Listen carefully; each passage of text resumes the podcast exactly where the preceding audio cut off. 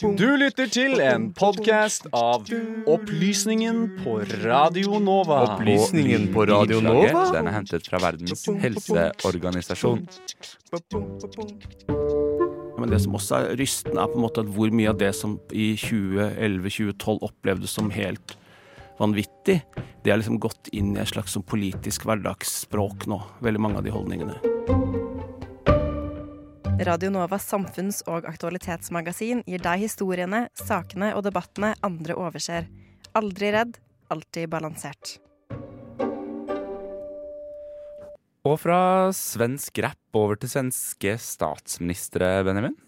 Det er i dag eh, 34 år siden Olof Palme ble skutt på åpen gate i Stockholm. Og drapsgåten er ennå ikke løst, men politiet spår en løsning innen sommeren. Hva er Palmesaken, og hvem har vært de mest kjente mistenkte?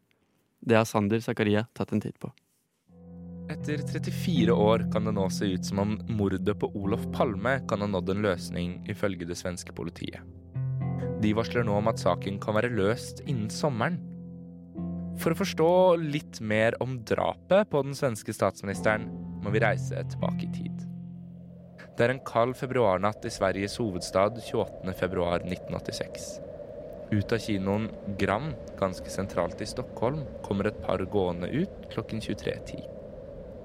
Paret bestående av landets statsminister Olof Palme og hans kone Lisbeth Palme har nylig sett filmen 'Brødrene Mozart' og begynner på veien hjem.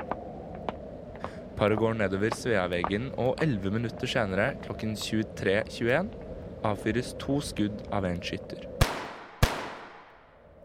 Det første skuddet treffer statsminister Palme i ryggen, og han faller straks om død. Det andre sneier konas jakke. Ja, det er mord på Sveavägen. Prata med politiet. Mord på Sveavägen. Sveriges statsminister er død, og mannen som har skutt Palme, har forlatt åstedet og løpt inn i en sidegate og forsvunnet. Politi og ambulanse er på stedet kort tid etter. Pasienten er på väg til sykehus. sjukhus. Hur går det med den? Kommer han overleve? Nej, Nej. Olof Palme. Vad sa? Palme är det. Olof Palme. Ja, det är sant. Nej, är det Ja, sant? två skott. Ett drar till bröstet. Jag vet inte vad det andra sitter och har tagit. har två skott i mig. Är det sant? Ja! Stats, vår statsminister? Ja, vår statsminister. Klokken fire på natten, nesten fem timer etter drapet, kommer den første TV-rapporten om mordet. Statsminister Olof Palme är död. Han mördades mitt i centrala Stockholm strax efter klockan 11 igår kväll. Men hvem er det som har drept Palme? Det er det stor usikkerhet rundt.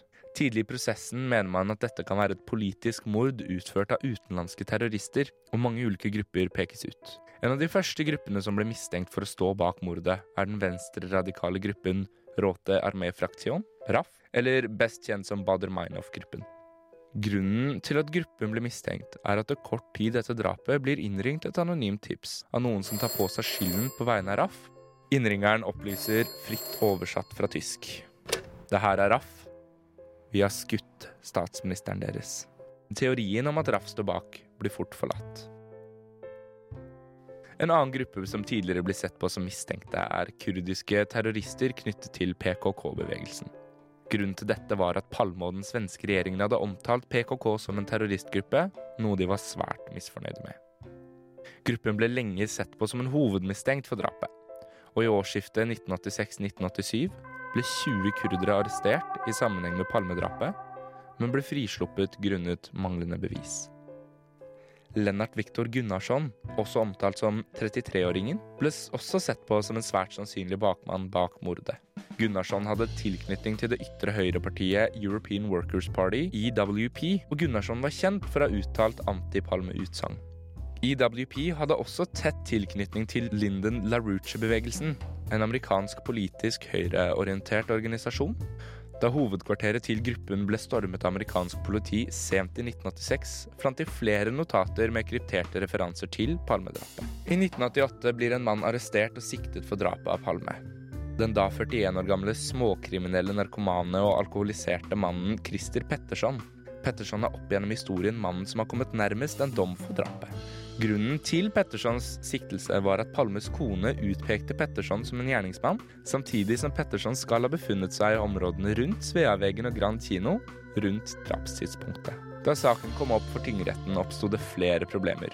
Blant annet skal aktor i saken ha hatt problemer med å finne Pettersons motiv for drapet.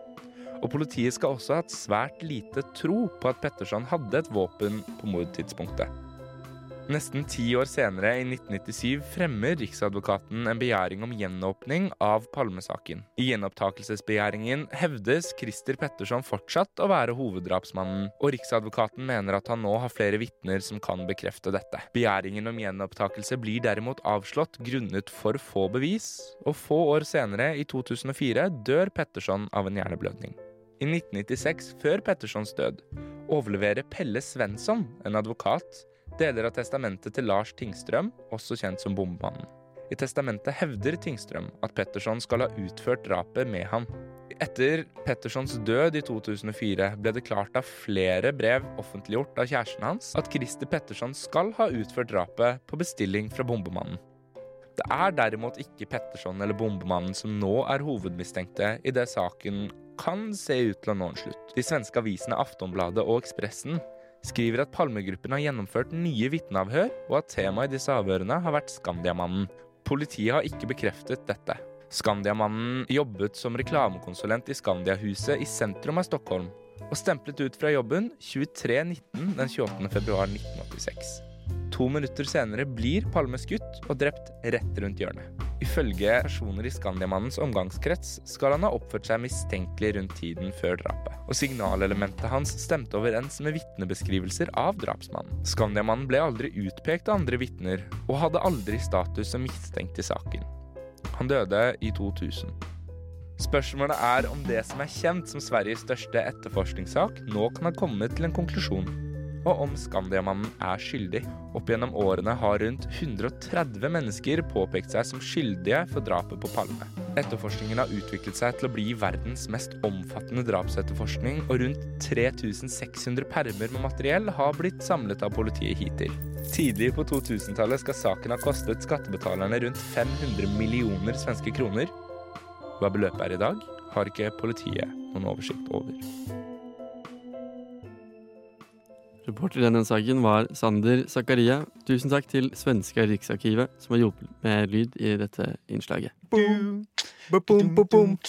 Du har nå hørt en podkast fra Opplysningen 99,3. Finn denne og tidligere episoder på Spotify, iTunes eller der du måtte finne dine podcaster ellers.